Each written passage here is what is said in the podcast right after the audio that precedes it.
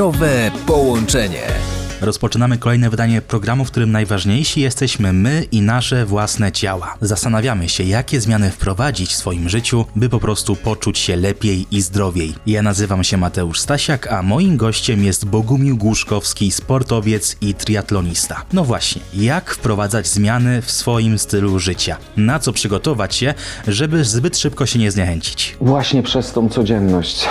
Właśnie wprowadzać takimi bardzo małymi kroczkami, właśnie wprowadzać w ten sposób, że żeby zaczynać, czyli że tak jak w kulturystyce mówi się o wstępnym zmęczeniu mięśnia i najczęściej robimy to e, wokół e, jakiejś grupy mięśniowej, która jest dla nas najsłabsza. Czyli jeżeli dla nas najsłabszym elementem jest nawyk ruchu, nawyk aktywności, to ja zaczynałbym każdy dzień właśnie od tego, co było do tej pory moją naj, na, największą słabością, czyli zaczynałbym od ruchu.